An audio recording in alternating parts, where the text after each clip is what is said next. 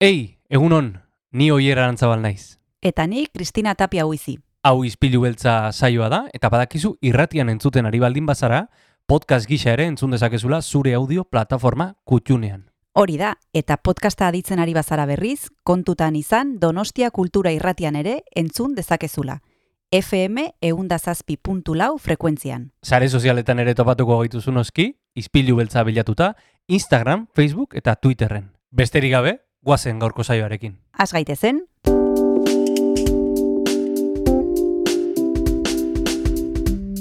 Ispilu beltza. Donostiako kulturaren berri, Oyer Arantzabal eta Kristina Tapia buizirekin. Egunon entzule, egunon Donostia eta inguruak, Donostia kultura erratia entzuten ari zara, eta hau, izpilu beltza da. Beste astelen batez, hementxe gaude, Kristina, egunon? egunon, Beste aste lehen batez, beste aste bati hasiera emateko prest, maiatzean, er, maiatzaren erdian sartuta, Mhm. eta gaur eh, dantzaren inguruan hitz egiteko. Dantzaren inguruan eta hain zuzen ere baletaren inguruan. Badekizu hemen ondoan biarritzen e, konpainia bat daukagula oso garrantzitsua malandain e, baleta eta noe ikuskizuna ekarriko dute berriro koprodukzioan eginda dago e, Victoria Eugenia Antzokiarekin koprodukzioan.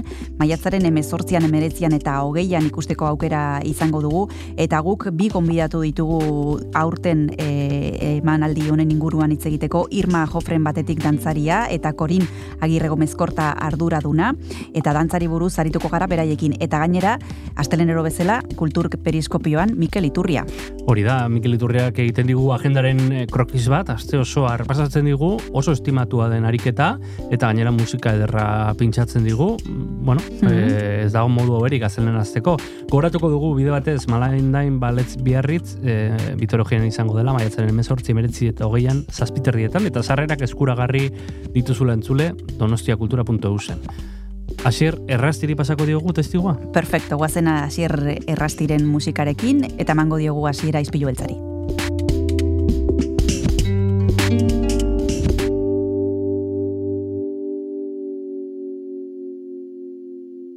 Kaixo entzule, zer moduz joan da burua? Espero dut, bueno, deskantsatzeko tarte hartu izana, eta gu hemen gabiltza, Donostia Kultura Irratian berriro ere kaina emateko asmoz, eta, bueno, ba, badakizue gaurko eduki gain musika ere protagonista izango dugula, saio honetan zehar, bai orain, eta baita kantakatiluan ere. E, gaurko saioari hasiera emateko, tira, astelena izanik eta astelenak, e, bueno, banaiko aldapa gora egiten zaizkigunez e, batzuentzat behintzat, e, bueno, ba, pentsatu dugu herrialde katalanetara bidaiatzea, bertakoak zirelako Obrin Pass e, taldeko kideak, eta, bueno, dudari gabe Euskal Herrian barrena dozenaka mm, inkluso egundaka kontzertu emandakoak dira hauek. Mila bederatzeron eta laurogeita amairugarren urtean hasi eta bi mila eta amalaugarren urtean esan zigutelako agur. Dudari gabe talde erreferente bat Katalunian, baina baita ere Euskal Herrian. Hauxe da Obrin Pas taldearen som.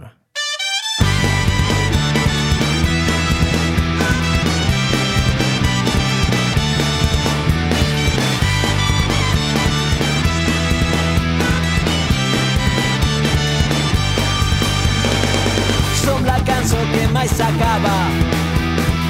Som el contra l'oblit. Som la silenciada. Som la revolta en un sol crit. Som l'espurna que encén la flama. Som la lluita que hem compartit. Som la pedra en la barricada. Som el poble per construir. I quan la nit ens a buscar Som tot un món per estimar Som una història per guanyar Tot un futur per començar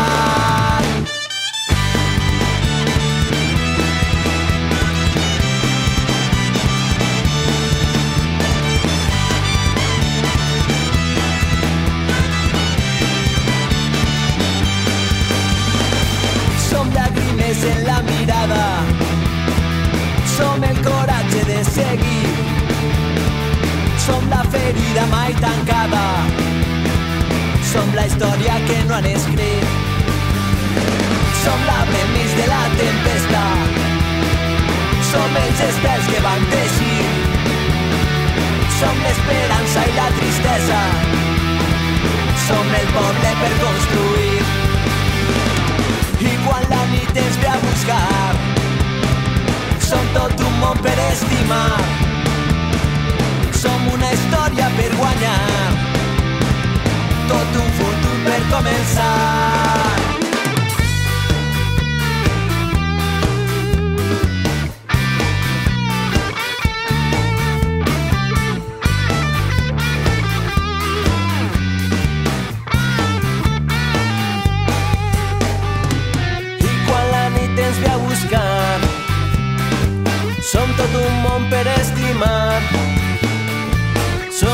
història per guanyar.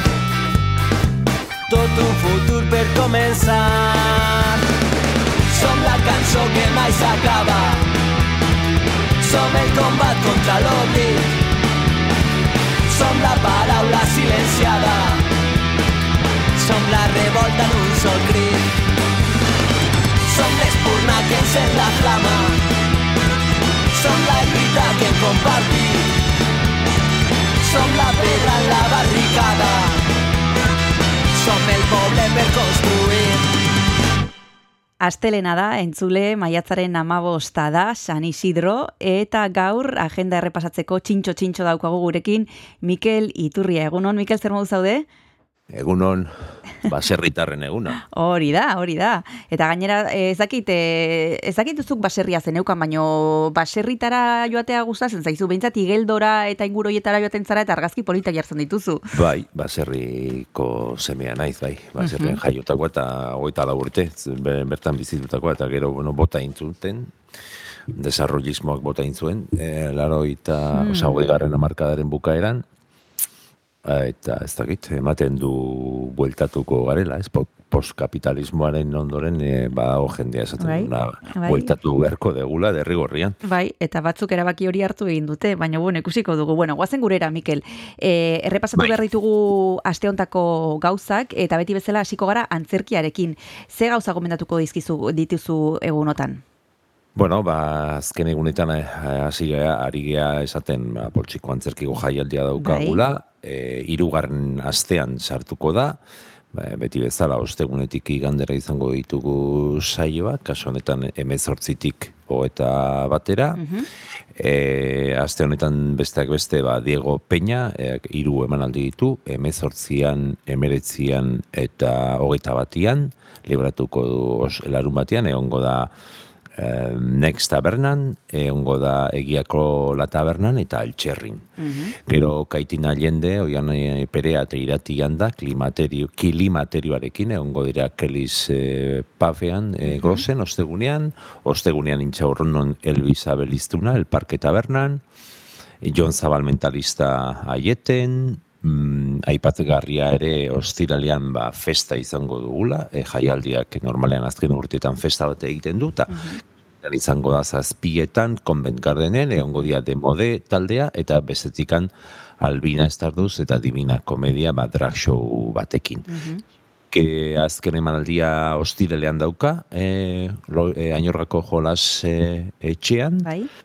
Amelia Magak bi emanaldi izango ditu, hogeian e, giatarra jubilatuen elkartean igandean, e, hau da, iaren hogeita batean, biaforan, eta amaitzeko alazne etxe berria nola edo ala aterako gara ikuskizuna ardube tabernan, loiolan, larun batean, mm aitona monen etxean intxaurrondun. Ederki. Horretaz aparte, Bai. antzerki topaketak ere aurkeztu ziren, hau duela batzuk, Mhm. Eta aste azkenetik aurrera, jak amazazpi, e, gazten antzerki topaketak e, izango ditugu ekainaren amazira arte, hogei antzeslan, Bai? hau Donostia gazteriak antolatzen du, baina horietatik, hogei horietatik amabos Donostia kulturako espazioetan izango ditugu, Vitoria Eugenia Kluben, Antzoki Zaharrean, Egian, gaztestenan, eta lugaritzeko Imanol Larzabal aretoan. Aste honetan hiru ditugu, e, hiruak izango dira antzoki zaharrean, amazazpian, emezortzian eta emerezian. Sarrera guztiak iru euro balio dute, eta donostia kulturak kudeatzen dituen gunetakoak, ba, webgunean, edo toki ba, bakoitzeko e, lehiatilan edo daude eskura gai. Ados, oso ondo. Ba, antzerkia errepasatu dugu, Mikel, guazen orain zenbat dantza emanaldi ditugun astean zehar. Gaur, esan behar dizut, e, malandain balete biarritzeko Irma Jofren eta Karin Agirrego mezkorta egongo direla gurean, izan ere e, baleta izango dugulako e, Victoria Join antzokian. Bai, badakizu harreman eh, berezia daukala Victoria Eugeniak eh, biarritzeko malandain baletekin, mm. Eta azte azkenean, eh, entxegu irekia egongo da, Victoria Eugenian, mm -hmm. Noe, da, ekarriko bai. duten ikuskizuna, bai egon bidapenak eskuragarri daude Victoria Eugenia antzokiko lehiatian, gekaz kasu honetan ez da e, klub aretoan egiten den mm. baizik eta e, auditorioan egiten dana, orduan ba, ba esango nuke nahi duenak entxegu ireki hau ikusteko aukera izango duela. Eta gero ostegunetik larun batera, egongo dira, egunero e, atxaldeko iluntzeko zazpiter dietan, ba, Uolde Unibertsala eta Noeren arka mito hori buruzko mm. e, zea bat, e, balako bertsioa edo bere bertsioa egin du Thierry Malanden e, koreografoak eta hori ikusteko aukera izango dugu. Mm Goratu hilaren hogeian, hau da larun batian, emanaldiaren ondoren e, ba, alako topaketa bat egongo dala Thierry Malanden e, to, e, zerekin, koreografoarekin bai. klubaretuan kasu honetan. Eta gero igandean e, gaztesten handugu beste ikuskizun bat, igandean zazpietan, amaika, Cielo Raso kompainiaren lana da, amaika urteko ibilbidea daukate, eta horri buruzko ba, alako ikuskizun bat edo montatu dute, ezberdintasuna, generoa eta askatasunari buruz. Eta orain goazen kontzertuak ikustea? Os, ondo. Igual, e, bertso saio bat, ongirutzen maldi mazaizu, eta bi kontzertu aipatuko dituzu, Mikel, e, lehenaren e, berri bihar izango dugu irrati saioan, Schubert zikloaren inguruan izango da, amets proiektuko kide bat etorriko zaigu, aitzol iturriagoitia, irakaslea da, eta proiektu oso polita jarri dute martxan, ze irakaslea eta ikasleak elkarrekin egotzen dira holtzaren gainera eta horrek ba plus bat e, ematen dio ikuskizunari aitzolek e, kontatuko digu e, esan bezala elke egingo diogun elkarrizketan. Beraz goazen aipatzera musika Mikel Hori da, ba, itzol, iturria ni naiz, eta bea da, iturria gagoitia, e, musikeneko irakaslea da, bai. eta mis proiektua izango dugu larun batean, zazpitarritan antzok izarrean, bai. goratu donostia musikaren bat, e, musika elkarterekin batera aurrera ematen den zikloa dela, Frank Schuberti eskenitako aurten, eta bueno, ba, bera e, aitzol iturria gagoitiarekin batera, hainbat kide ioko dira e, mm. antzokizarreko e, taula gainera. Igandean, hilako geta bat, ba, azken e, aste hauetan, e, bertso aroa egin izan da altzan, e, okarrezpan hau apirilean lehen elkartu iten zan, osea, bata bestaren atzetik iten zian, abaste bete, zerako zerbaino, kasu honetan, ba, suelto egiten da, e, gauzatzen da bertso aroa, e, gai jartzaile lanetan arituko da maite berriozabal, e, printzipioz altzako plaza gorrian da zita atxaldeko seietan igandean, euriak e, euria ingo balu, edo euraldiak lagunduko ez balu larratxo kulturetxean arituko mm dira e, Nerea Ibarzabal, Julio Soto, Usue Alberti eta Sustraiko Lina mm bertsolariak. Eta gero igandean bertan, ba, zazpietan, Vitorio Eugenian daukagu X Bost kolektiboaren e, abestiak gogoan lana edo orkestuko du. A, kolektibo honek, gero aipatuko ditugu zeintzun dian musikaria, Carlos Jimenezek euskal idazle garrantzitsu edo esanguratsuen entestuak musiketu izan ditu, eta ibilbide horri, ba, behaiek, ba, besti bana proiektua e, egin dute.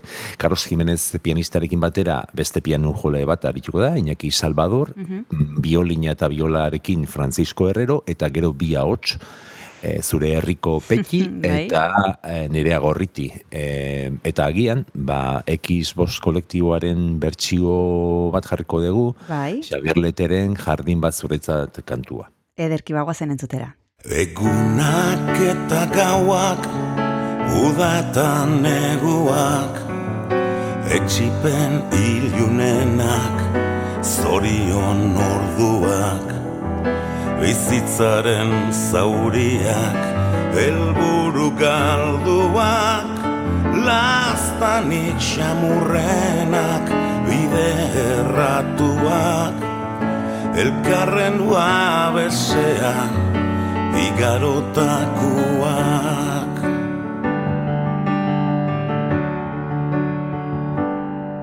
Egun sentiko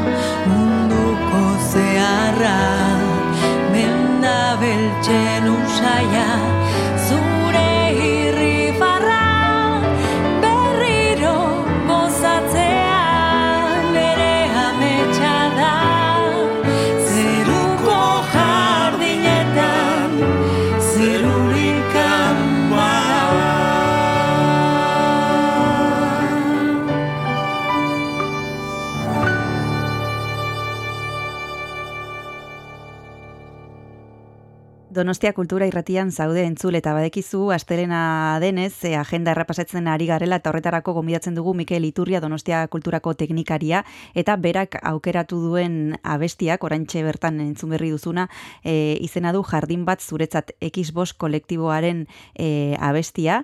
Errepasatu ditugu antzerkia dantza eta musika eta orain literaturara egingo dugu salto. Mikel ze sola saldia aipatuko dituzu? Bai ditugu, hiru solasaldi, hitzaldi bat eta liburu aurkezpen bat. Gaur astelena, eh, lugaritzen, lehen solasaldia txaldeko bostetan da, goizane aizpuruaren izarak liburuari buruz arituko dira, e, Maite González Esnalek eh, antolatzen duen eta gidatzen duen literatur tertulia. Zazpietan e, literatur solasaldia frantsesez, Philippe Deler idazlearen New York New, eh, San New York, liburuaren inguruan arituko dira, miren garmendia da dinamizatzailea.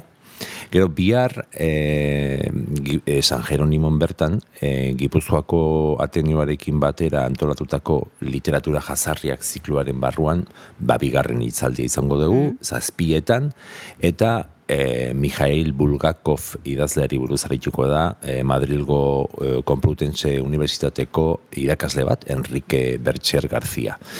Bestalde, asteazkenean, Tomasene kulturetxean daukagu Ana Merinok dinamizatzutako literatur solasaldia, atxaldeko seietan, eta kasu honetan egunean bertan izango dute irakurlek liburuaren berri. Hau, Ana Merinok askotan egiten du, ba, e, zikloa izten duenean, edo denboraldia izteko, ba, Bai. e, ba, liburu sorpresa bat edo egoten da. Eta gero, bukatzeko ostiralean liburu aurkezpena, egia kultur e, etxean, e, hainbat e, txirrindulari, ba, Loroño, Kopi, Merck, Sinol, Jarreta, Indurain, badanak batu ditu tropel berean e, Raul Perezek e, garai ezberdinetako txirrindulariak danak mm. e, zer dute aman komunean ba, alde bat dikan txapelun handiak izan zirela eta mm. bestetikan bat donostian aritzu izan zirela ez mm. bizikleta gainean eta hori aprobetsatuz e, saio honetako kolaboratzaile ere baden Ruben Bidal liburu zainak egitatuko du ba, ah. Raul Perez e, tropela maigabea liburuaren aurkezpena eta gero gogoratu bat izue fantzeko turra uztala hasi eran Euskal Herritikan aterako dala, Bilbotikan aterako da, eta gero donostian ere izango degula etapa bat, e, okerrezpan hau jeren bian, edo horretan bertan, eta badakit, atozen asteetan, ba, dibidez, bizikletak izeneko erakusketa bat egongo dala Santelmoko klau, e, zean, klaustroan, mm -hmm. esango nuke hori izango dala ekainaren bukaeran, eta liburu orkez, e, liburu orkezpan, edo izaldiak ere egongo dira, osea, mm -hmm. adi egono, e, Bai, nik uste dute aitzaki horrekin gauza desente antolatu behar dituztela datozen asteetan e, turrarekin lotuta eta txirrindularitzarekin lotuta ere bai, adi egongo gara eta hemen emango duzu hoien berri.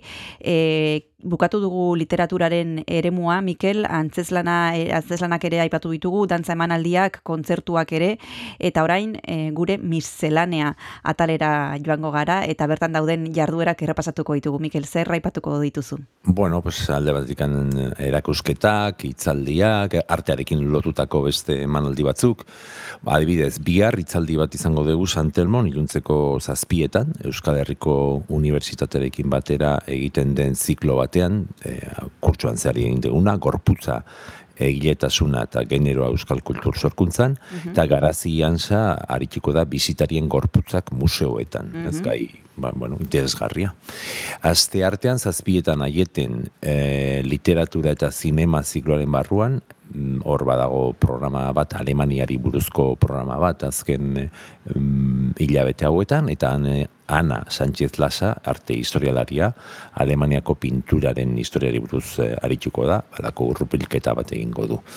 Gipuzkoako eskualdetzen federazioarekin okendon e, bihar e, Mikel Marañon Kallejak e, arabako abizenei buruz e, arituko da, apellido zen alaba.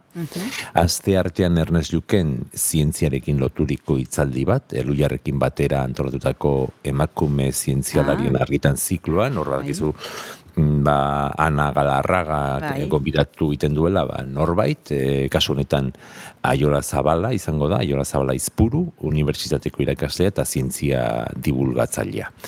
Gero, maiatzaren emezortzian musoen e, nazioarteko eguna ospatuko da, eta Santelmo musueoak hainbat ekitaldi antolatu ditu, e, egunean bertan, maiatzaren emezortzian, aurtengo lelo nagusia da museoak jasangarritasuna eta ongizatea, mhm.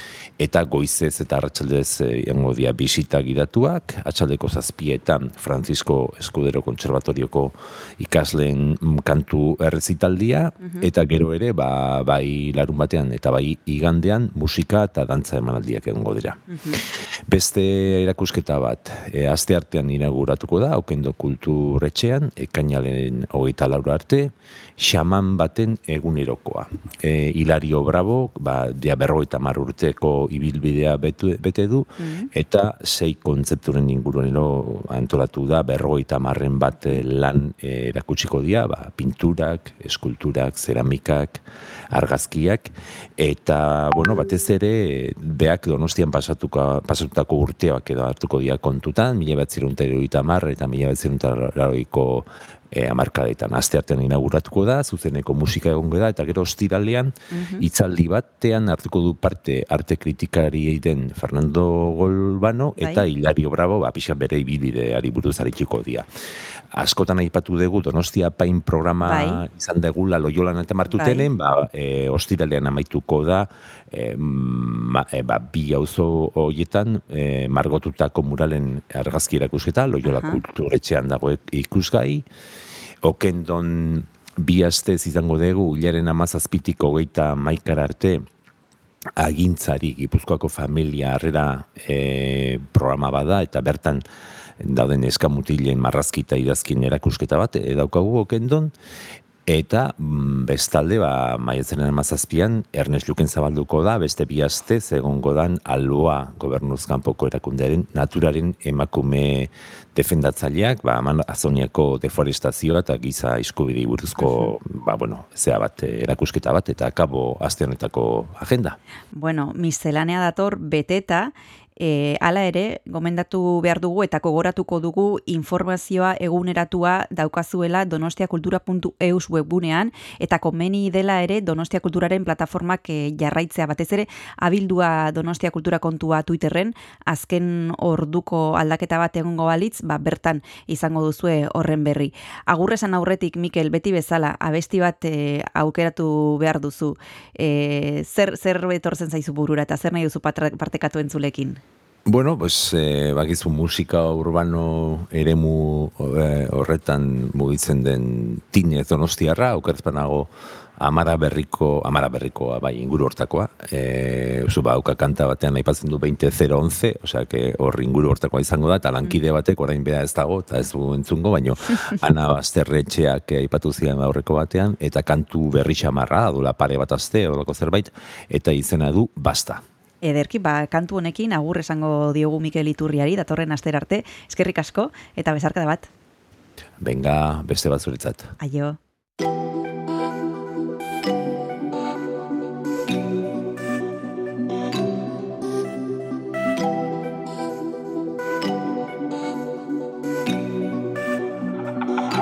Ya casi son las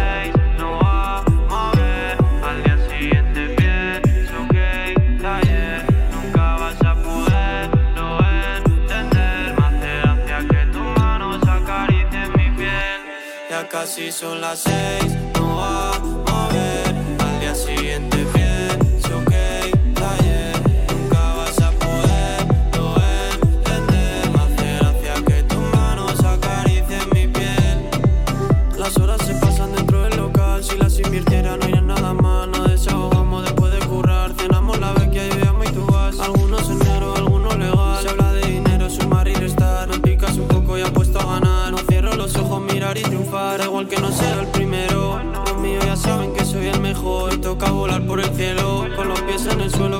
Seguimos haciendo el jilguero. Coca-Cola, Aristof, un chorro de limón. El portero tocando el larguero. Hoy Arzabal con rabia coloca el balón. Tú sales a posar y salgo a disfrutar. Que no es comentar una puta red social que quiero verte. Ya solo hablamos por guapo. Ti cambiaste mi manera de actuar. Yo no suelo contar cosas mías que a mí me puedan afectar. Y a mía no quiero reír si tú quieres llorar. So baby, vamos a querernos más. Seis,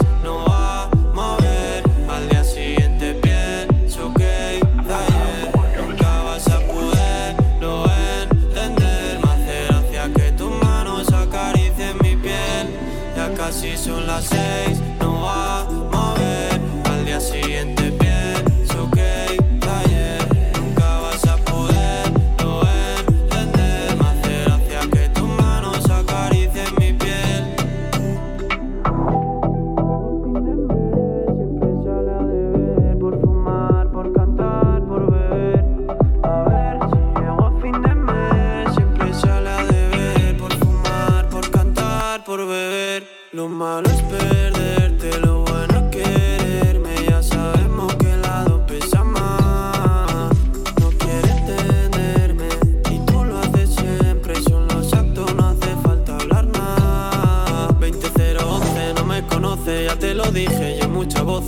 nuevo año, ya son las 12. Vida de oro, cobrando bronce.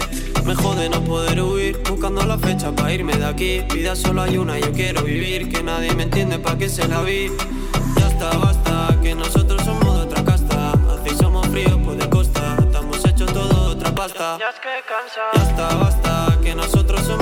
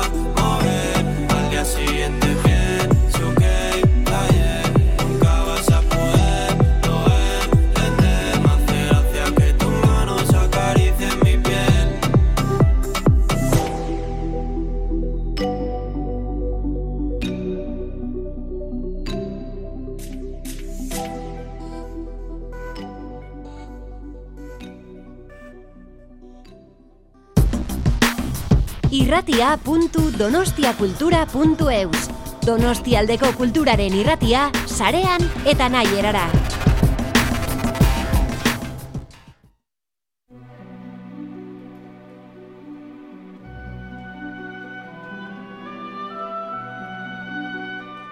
Entzuten ari garen musikak badu zerikusia hitz egin behar dugun dantza motarekin.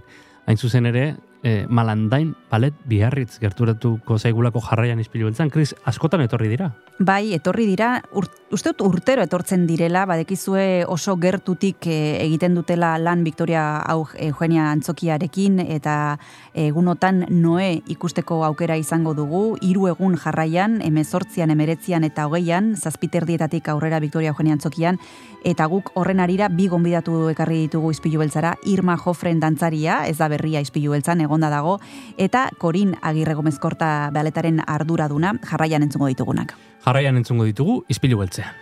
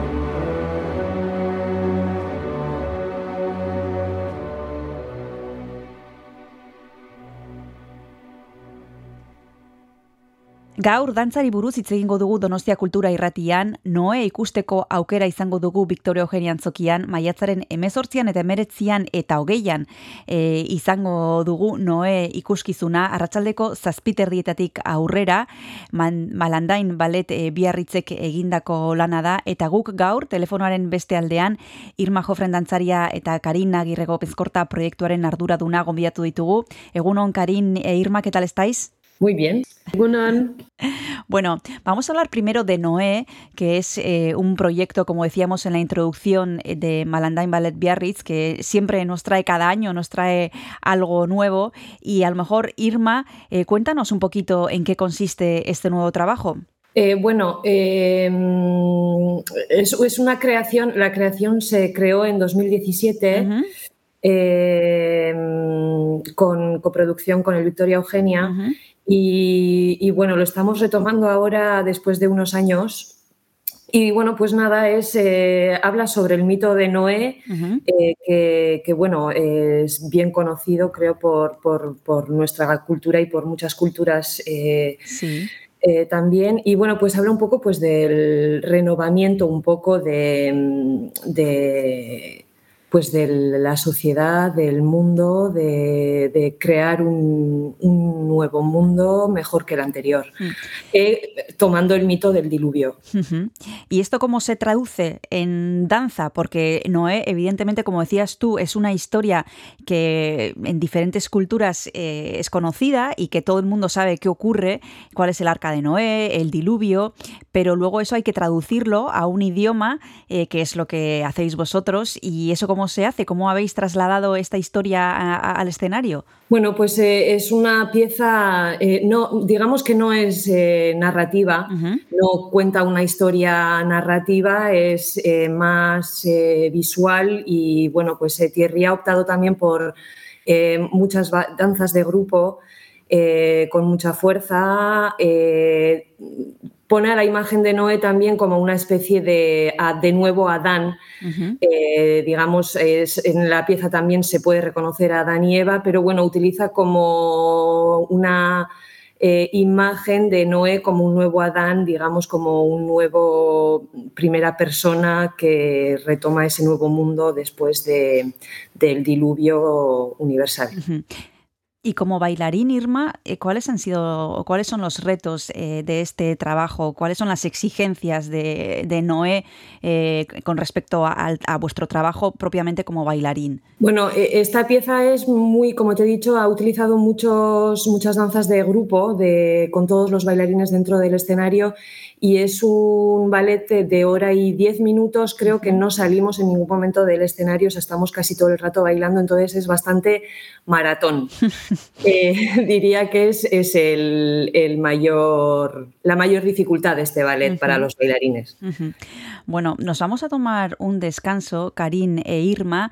Vamos a continuar enseguida hablando de esta pieza, de esta colaboración que, en la que también está implicada el Victoria Eugenia. Como decimos, nos tomamos un pequeño descanso y continuamos enseguida.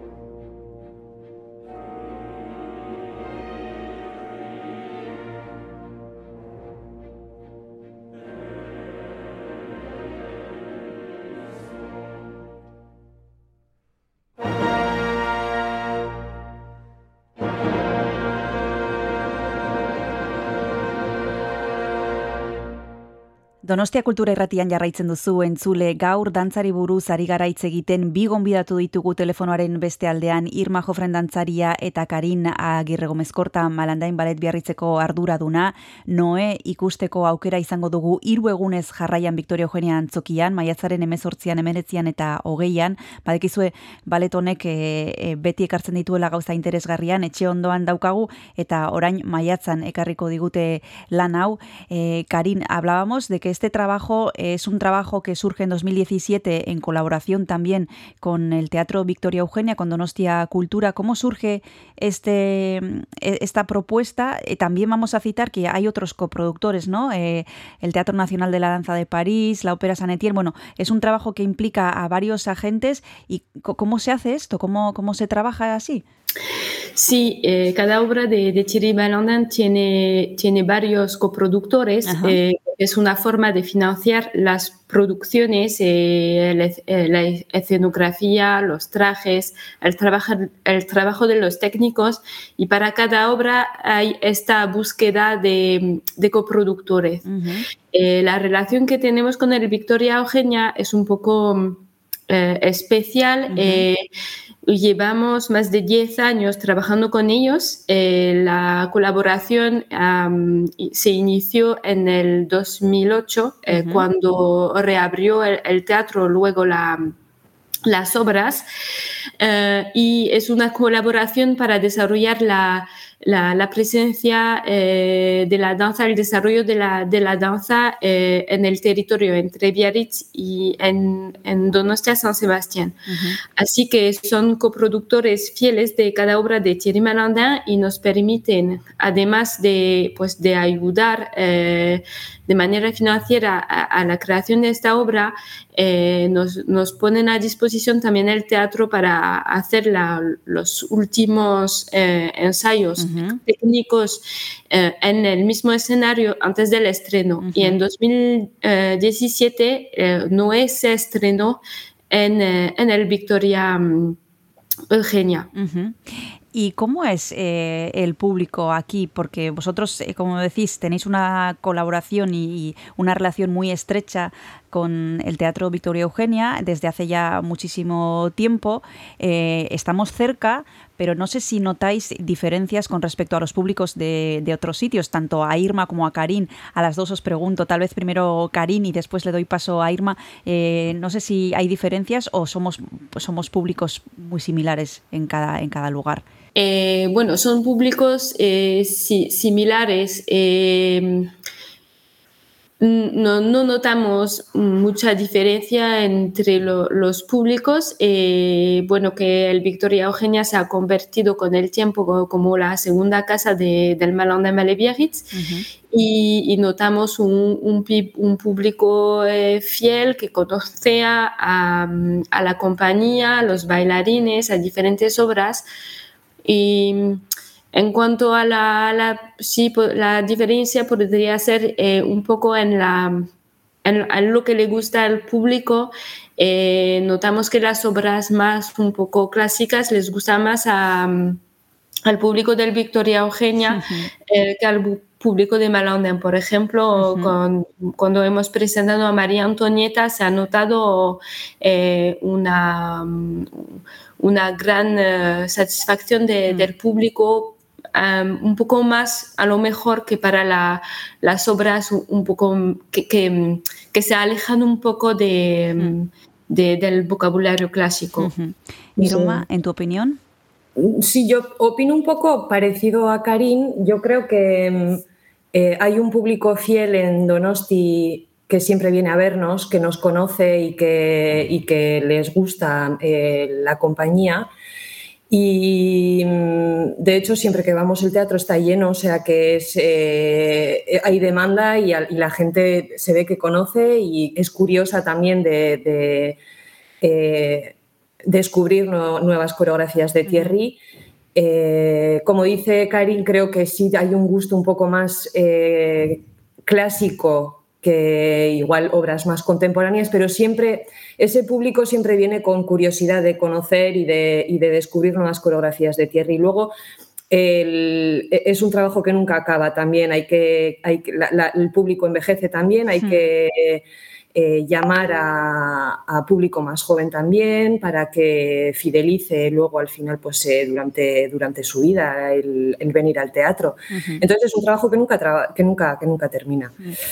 Eh, Irma, tal vez este, y Karin después también querría saber su opinión, este gusto eh, por las obras clásicas eh, aquí en Donostia implica que hay menos cultura de la danza y que por eso todavía nos resistimos a las cosas nuevas. Irma primero.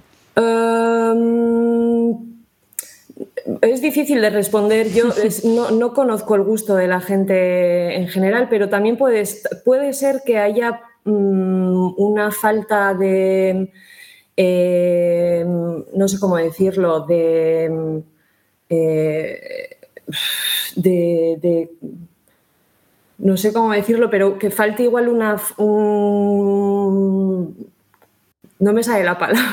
De educación con respecto a la danza. No, de- es que no es educación, es igual una falta de, de que haya otros, eh, otras compañías a lo mejor que Hmm. ofrezcan, que ofrezcan eh, cosas más contemporáneas, eh, Hmm. más clásicas.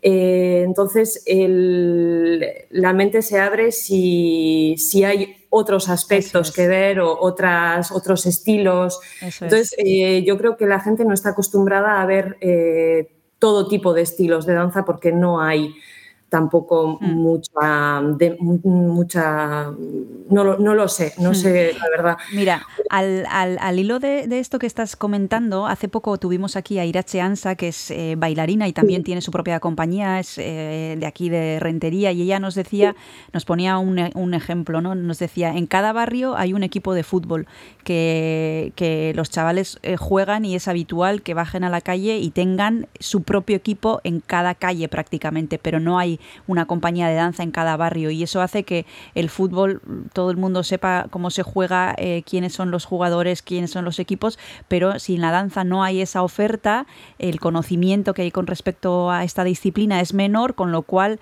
eh, las exigencias del público también pues son menores. Ella hacía esa comparación, ¿no? Eh, no sé si estáis de acuerdo un poco con esta idea. Pues yo es más o menos lo que quería decir y no encontraba las palabras, pero no lo podría decir mejor que Irache Perfecto.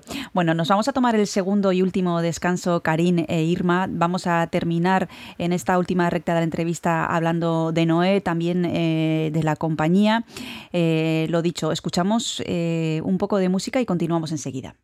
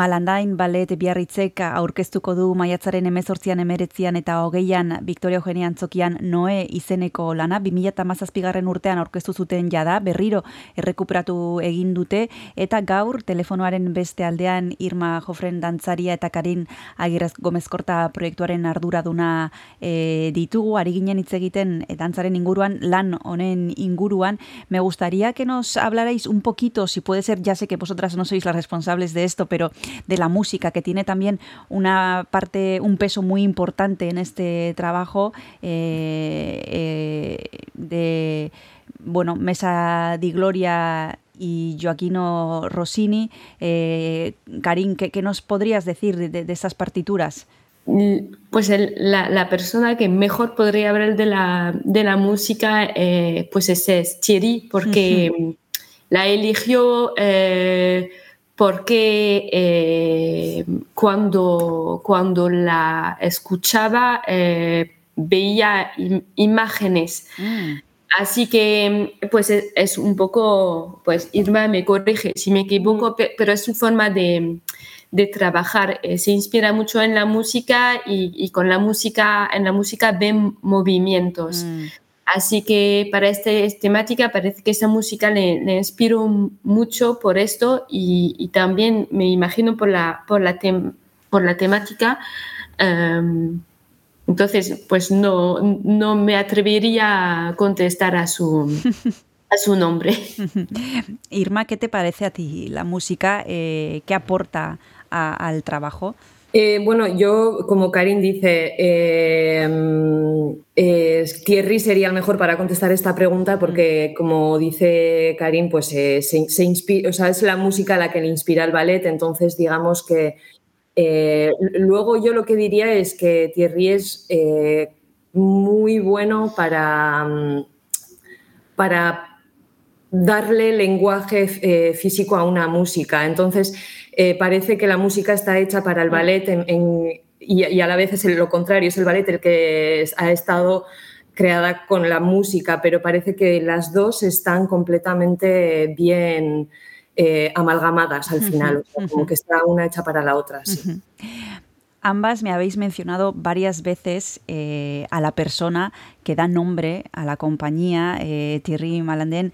Eh, me gustaría saber cómo es trabajar con él, cada una desde perspectivas diferentes. Irma eh, encima del escenario, Karin más en, la organización. Supongo que es inspirador, exigente. ¿Cómo, cómo definiríais el, el trabajo con él, Ka- Karin?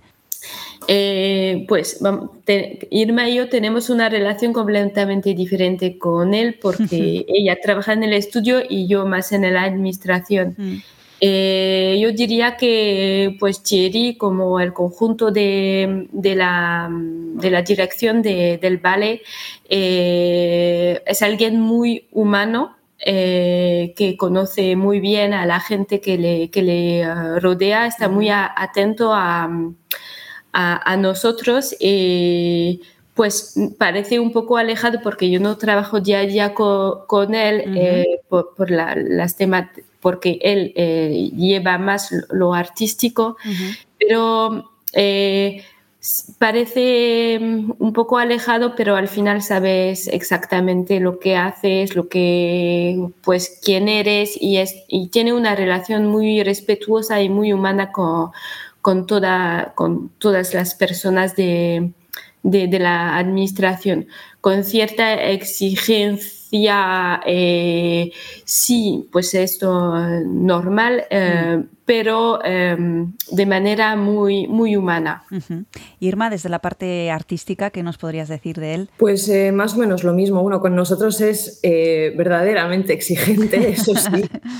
Eh, pero siempre desde eso es, desde un punto de mira eh, muy respetuoso y como con mucho mimo también. O sea, lo hace por, por el bien de sus obras, eh, por el bien de los bailarines también, que al final lo que pretende es sacar lo mejor de sus bailarines. Y, y, bueno, al final nosotros somos un poco su voz también, o sea, la voz que, que él quiere dar en sus coreografías, pues nosotros al final somos un poco con el cuerpo su, su voz. Entonces, eh, lo hace con mucho mimo, pero con mucha exigencia también y, y es un trabajo milimetrado. O sea, mm, eso es, o sea, cada paso tiene su importancia y cada paso hay que cuidarlo y, y, eso es. Pero muy, yo diría también lo mismo, muy humano.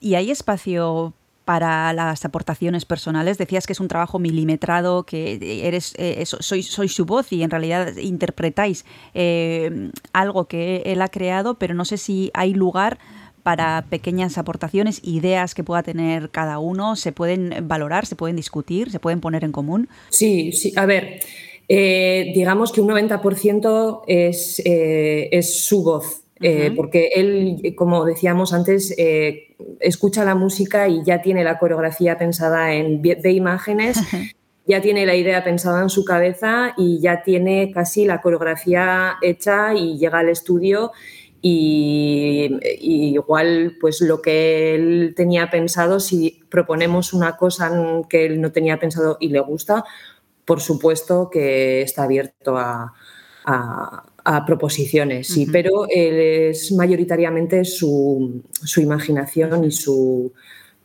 su voz. Ujú.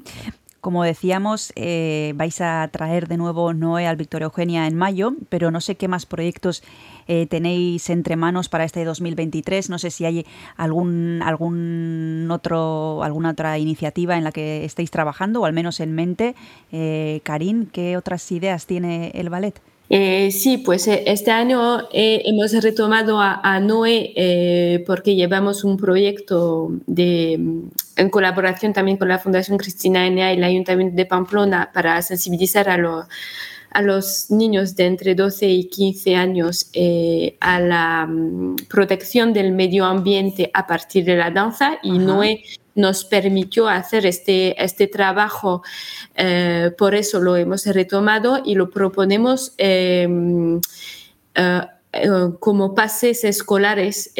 vamos a venir con Mm. cuatro pases escolares, pues los días de, la, de, la- de las actuaciones eh, de la noche. Hay dos eh, pases escolares eh, que acogerán a niños que han participado en este proyecto, en, e- en este itinerario pedagógico eh, de mm, medio ambiente danza. eh, pues que, y, y dos otros que son, como lo decía Irma, eh, que eh, renovar también el público y, y por eso nos, de- no- nos dedicamos también a, a público infantil y el Victoria Eugenia tiene un programa que se llama Es- Escolatica y en este marco eh, damos dos pases escolares para, para los niños que participan en, en este programa. Y en los nuevos proyectos, pues volveremos em, a finales de, de julio, principio de agosto, eh, con em, otro programa eh, que será em, Stravinsky, eh, el pájaro de, em, de fuego y, y, la y- y la consagración de, de la, de, la primavera. De la primavera, sí. Y, y luego vamos a, mm, vamos a, a- a proponer otra, otra creación eh, que se difundirá el año, el año que viene, eh, que se llama la- Las Estaciones y que está creando, eh, que la creación va a empezar ya y se presentará también en el Victoria Eugenia el año que viene. Así que, bueno, sí tenemos muchos proyectos que, que van a, llegar y, que vamos a, colaborar, seguir colaborando con, con el Victoria Eugenia para, para llevarlos a cabo. Bueno, pues tenemos ocasión de disfrutar eh, de Malandain Ballet Biarritz, como hemos dicho, los próximos 18, 19 y 20 de mayo. También hemos apuntado las actividades que hay para los más pequeños, esos otros proyectos con los que vendréis también eh, de nuevo a Donostia. Eh, os esperamos con los brazos abiertos. Muchísimas gracias, Irma Jofren y Aguirre Gómez Corta, por haberos acercado a Donostia Cultura y Ratía. Un abrazo muy grande para las dos y hasta la próxima. Milla Esker. Mi esker.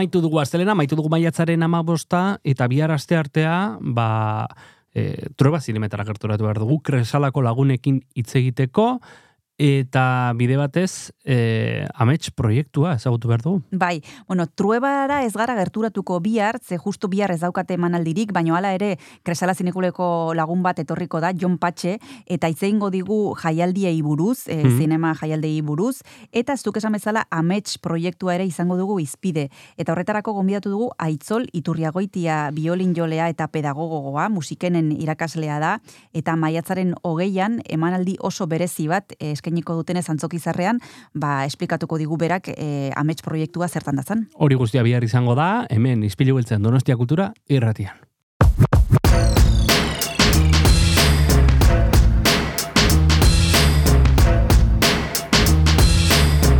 Ispilu beltza. Donostiako kultur paisaiaren isla da Donostia Kultura Irratian eta zure audio plataforman Spotify, Apple Podcast, Google Podcast eta irratia.donostiakultura.eus webgunean.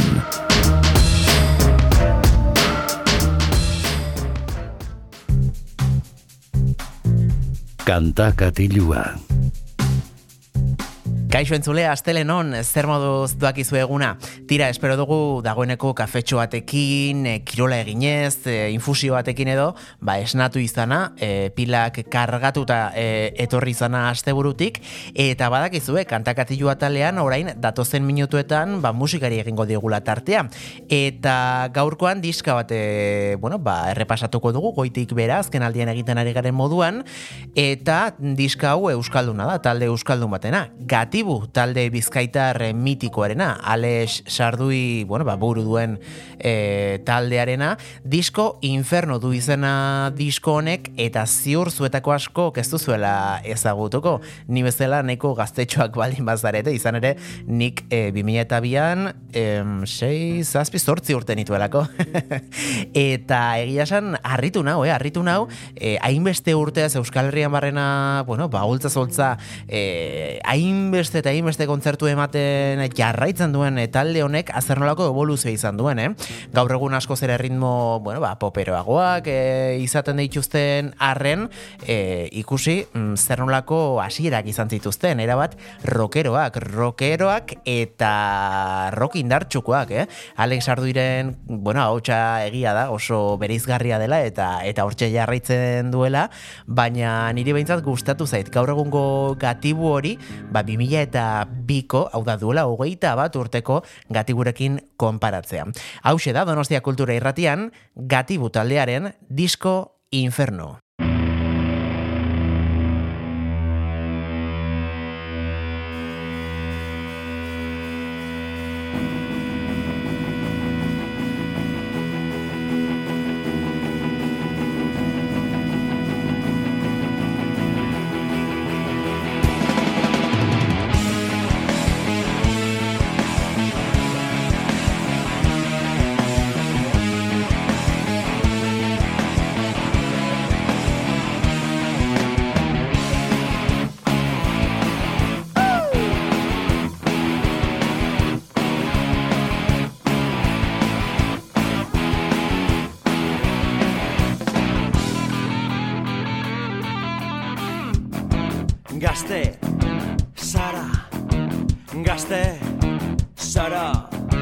Da Mr. Hyde, esaten deutzue, jotzona deko sunarren, ia espabiletan zaren, pekatuz pekatuz abizitzu kontrolik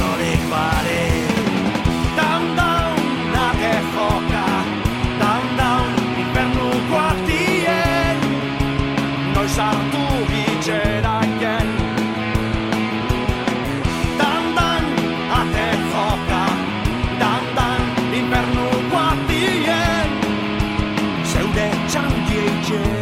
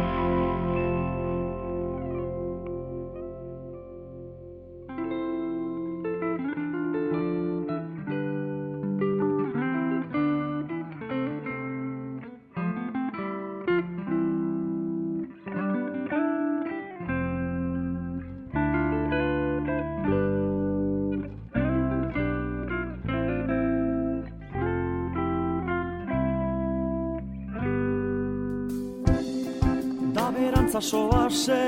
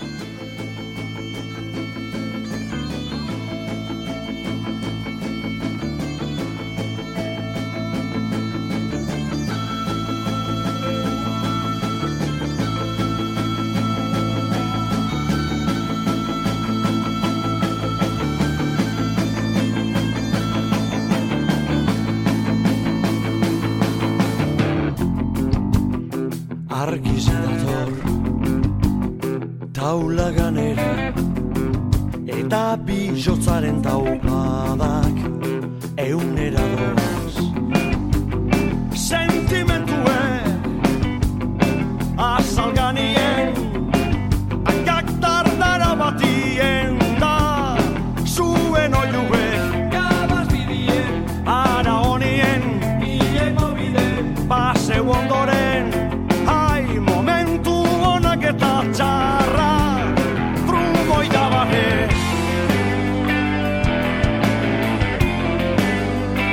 Astuten dire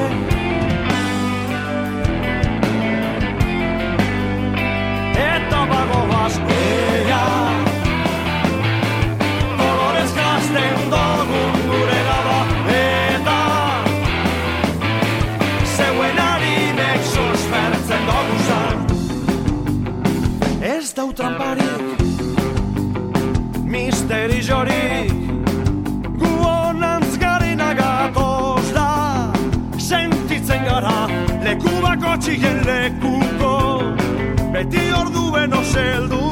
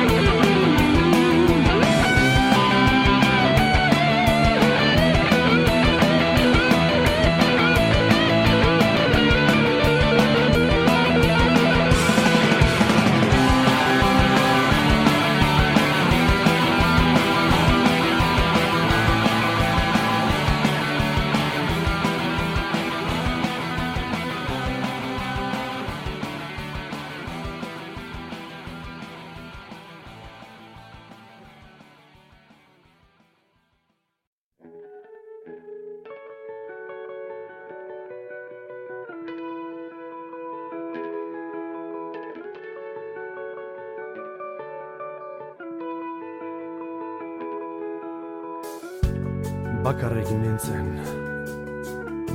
Ez neban ezer, nire arpeizen zegoen, barrerik ilun esan, argize eta oroitzapenak bueltaka, aidien, sasoiaretan, sasoiaretan, dana zanbaltza Txarrak benetan txarrak gauarek Lainoak ilune. Baiak alatxorizek joan dire gaire.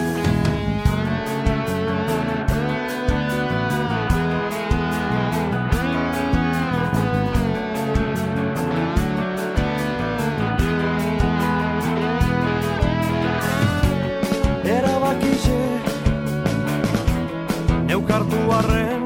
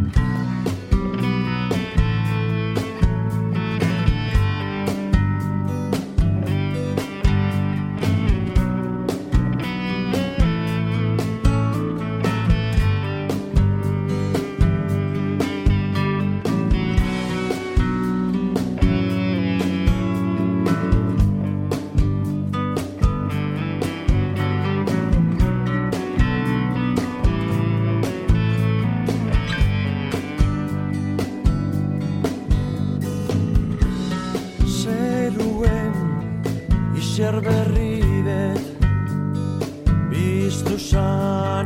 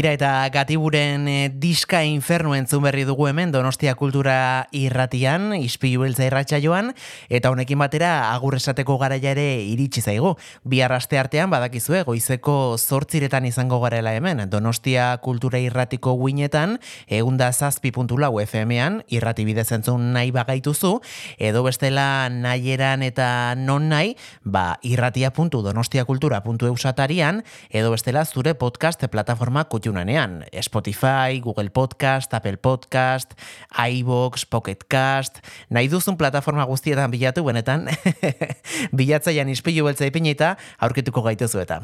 Beraz, e, zuek nahi baduzue, bi entzungo gara. Ordura arte, txintxoak izan. Agor!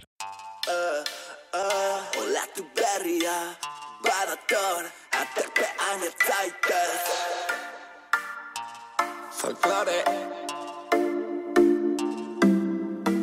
Zuek bia tarotzekotan Nik badaukane poltsikotan Espresarik izan hartu lasaiman Probatuko duzu edo zen momentutan Burua hotz, ahoa bero Zuen oinuek jartzen ote ero Galetzen honein atorren, esango izuk ero Galetzen honein atorren, jo vengo la playa Ye, ye, olatu berria odastatzetik Erritmo goxo hau dut orainenekin Kresala ere zuken du gainetik Eta horregaiti dator orain zure entzun gaiuetatik Egia mentira, folklore berri Eta horren ari da, aspertuta nauzue baino tira uh, Hemendik ikusten dut zuen begi handiz dira Zuek biak daroteko dan Nik balaukan nere poltsiko dan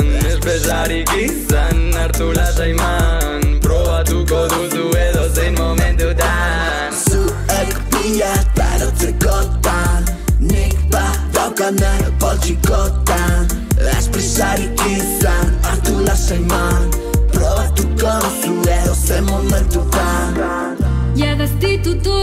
egunak. Nire amets faltzu bat zela zioten lagunak. Ta orain dantzatzen duten nire pim pam puma. Eh, begiratu norden txapelduna. Etorri gurekin ta ulertu zein den gure martxa.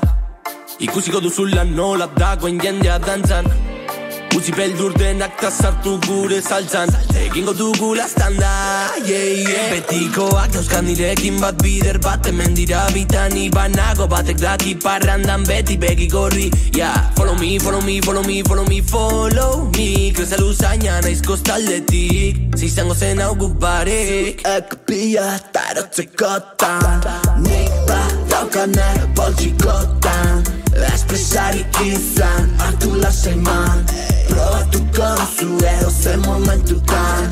Zu eko pila tarotzekotan Nik bat daukane poltsikotan. Espresarik izan hartu lasaiman Probatuko duzu edo zen momentutan. Original y